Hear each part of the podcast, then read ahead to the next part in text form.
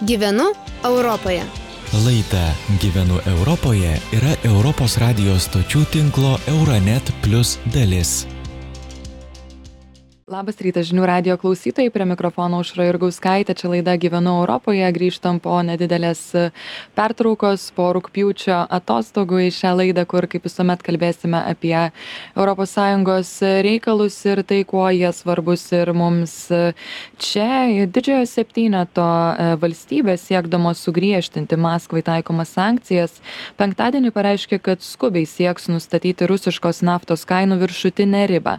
Leidinys politikos kelia skelbia kad tai ir diskusijų europos sąjungoje objektas. Rusija tuo metu užsuko nord stream vienas kranelį o vokietija pristatė šešiasdešim penkių milijardų eurų vertės planą skirtą padėti namų ūkiams susidoroti su sparčiai augančia infliacija pabrėždama kad juo taip pat siekiama užkirsti galimybes energetikos bendrovėms žertis nepagrįstą pelną. Lietuva taip pat svarsto kaip mažinti naštą gyventojams dėl augančių energijos kainų. Energetikos ministerija pristatė energijos energijos taupymo planą. Tad visą situaciją mes ir aptarsime su buvusiu energetikos ministru arvydu sekmoku. Sveiki Labą rytą. E, pone Sakmokai, pirmiausia, dėl to, kas vyksta na tuose plačiuosiuose vandenyse, e, to, kas varsto G7, kai pareiškė, kad skubiai sieks nustatyti rusiškos naftos kainų viršutinę e, ribą. Nurodomas tikslas yra sustabdyti svarbu agresijos karo finansavimo šaltinį ir sustabdyti pasaulinio energijos kainų augimą. Kaip tai veiktų praktikoje ir kokio efekto iš to reikėtų tikėtis? Na visų pirma kol tos mm, e, viršutinės kainos ribos nėra įvestos kol mes nepamatėme visų mechanizmų kurie vei kurie yra nustatomi mm, kur gali būt kažkokios išimtys kur gali būt mm, kažkokie langai neuždaryti nes be abejo naftos mm, eksporto kontrolę ir kainų kontrolę įvesti nėra taip paprasta. Tai poveikį mm, na sunku dar įvertinti kiek tai be abejo poveikis bus. Mm, turėtume matyt sulaukti ir galimai sulauksime aukštesnių degalų kainų. Na ir mums labai svarbu kaip tai atsilieps ir mažeikių naftos veiklai. Lietuvos biudžetui labai svarbi įmonė ir mes darbo vietų išsaugojimui tai yra svarbi. Tikėkimės kad tai neturės kažkokio neigiamo poveikio kadangi mažeikių nafta jau nebeimportuoja. Rusiškos naftos perdirba tačiau šiaip jau naftos kainų lygis mums yra svarbus ir šičia vienareikšmiškai matysime kokie bus tie rezultatai kokie bus tie. Tai čia viena dalis. Antra dalis yra ta kad reikia atsiminti kad mes gyvename ne tiktai europoje bet ir lietuvoje. Ir mūsų situacija kartais gali skirtis nuo europos. Tai yra pavyzdžiui lyginant su vokietija mes galim atsivežti mm, suskystintų gamtinių dujų ko vokietija negali. Tuo tarpu lietuvoj jau uždaryta ignalinos atominė elektrinė ir atominės generacijos mes neturime. Tuo tarpu vokietijoj dar veikia ir galimai bus pratęsta atominė generacija. Taip kad kiekvienoj valstybėj situacija yra šiek tiek skirtinga ir pati valstybė turi na žengti tam tikrus žingsnius na spręsti energetines problemas. Tai štai lietuv prašau. E, štai lietuva pratęskit mintį tai štai lietuva aš manau yra neatlikusi darbų energetikos sektoriuje. Mes šiandien girdime kad premjerė sako kad e, kitų metų biudžete reikės numatyti apie milijardą eurų kompensacijom ir be abejo tai yra svarbu. Tačiau jeigu žvilgterėtume atgal jei prieš tarkim tris keturis ar penkis metus tas milijardas eurų būtų investuotas į elektros generacijos vystymą lietuvoj į atsinaujinančių energijos išteklių mm, plėtrą.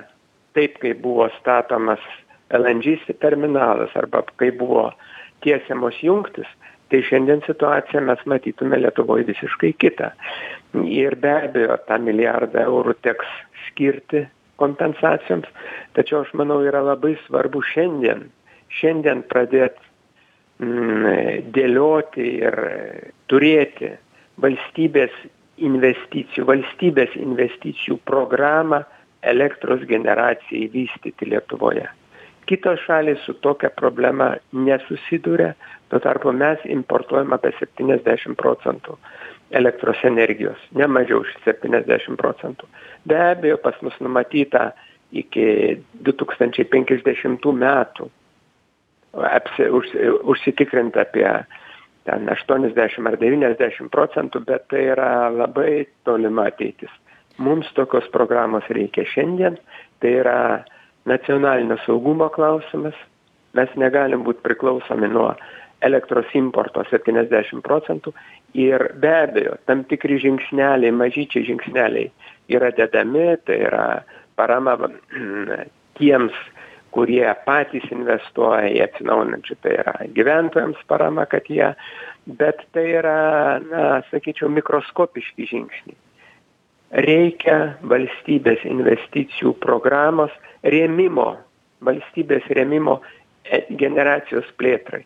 Tai nebūtinai vien valstybės sektoriaus, tai gali būti privatus, bet tai turi būti labai ženklus postumis, kad sava atsinaujinti generacija atsirastų Lietuvoje. Šiandien mes pamatėme tai, ką matėme jau būtingės terminalo atsiradimui, kai trūko naftos, tai buvo užsaktas družbos dujotekis.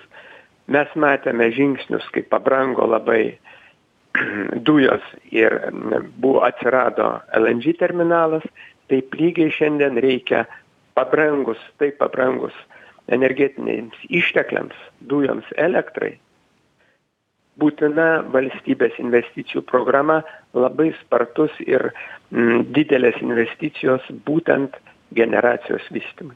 Na, nepaisant to, visos valstybės susiduria su tomis išaugusiomis e, kainomis, ar mes generuojame jos mažiau ar daugiau. Ir štai remiantis e, politiko gautų dokumentų, ES ruošiasi įvesti istorinės e, intervencijas į energijos rinką kad pažabotų kylančias kainas įskaitant svarstymą apmokestinti perteklinį pelną ir viršutines dujų kainų ribas. Prezidentūra štai sako kad europos komisijos šitas pirminis pasiūlymas dėl elektros rinkos sureguliavimo kelia nerimą nes tai yra ne kainų mažinimo o surinkimo lėšų iš rinkos tam kad tas lėšas perskirstytų labiau.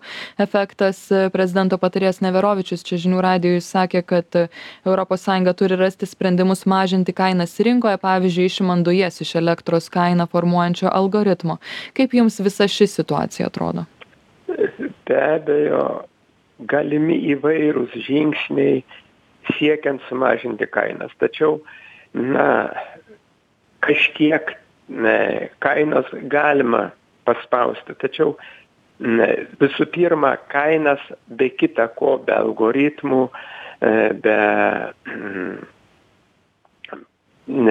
pasiskirstymo pelno priklausomai nuo generacijos šaltinio atsinaujinančio ar iškastinio kuro, vis tiek kainas formuoja paklausa. Ir elektros paklausa, ir energijos paklausa auga. Visą laiką mes vis daugiau naudojame energijos išteklių. Ar tai būtų elektra, ar tai būtų ypač elektra pirmoji eilė, tačiau Mm, visos e, energijos ištekliai yra naudojami. Ir tai yra tiesiog pragyvenimo lygio augimo rezultatas. Ir be abejo priemonės kainų sumažinimui galimos reikalingos, tačiau norint, kad tos kainos realiai mažėtų į perspektyvą žiūrint, tai būtina didinti pasiūlą tai yra būtinti būtina didinti ge plėsti generaciją europos mastu ir tuo pačiu užtikrinti pakankamą reguliavimą kad nebūtų to e, tarkim nepagrįsto pelno. Pelnas turi būti energetikos sektorius turi būti pelningas tik tada jis normaliai galės vystytis. Tačiau reguliavimas mano vertinimu buvo nepakankamas tiek europinis reguliatorius tiek nacionaliniai reguliatoriai įskaitant mūsų vert. Pavyzdys perlo energijos situacijos pražiopsojimas. Mes iš tikro matome kad mm, reguliatoriai dažnai mm, žiūri į politikos mm, priėmėjų akis ir burnas ir to reguliavimo laikosi to principo, kad rinka turi būti laisva ir reguliavimą taiko minimaliai. Tai štai šitas, šitas matyt keisis ir matyt reguliavimas stiprės, ta liberalioji energetika šiek tiek atsitrauks ir ta energetinė situacija, kainų situacija bus sprendžiama per reguliavimą. Tai ką bando daryti komisija. O mm, kainų mažinimas, vien kainų mažinimas be reguliavimo jis yra neįmanomas. Ačiū Jums už Jūsų išvalgas. Buvęs energetikos ministras Arvidas Sekmokas laidoje Gyvenu Europoje. Dėkui. Gyvenu Europoje. Laida Gyvenu Europoje yra Europos radijos stočių tinklo Euronet Plus dalis.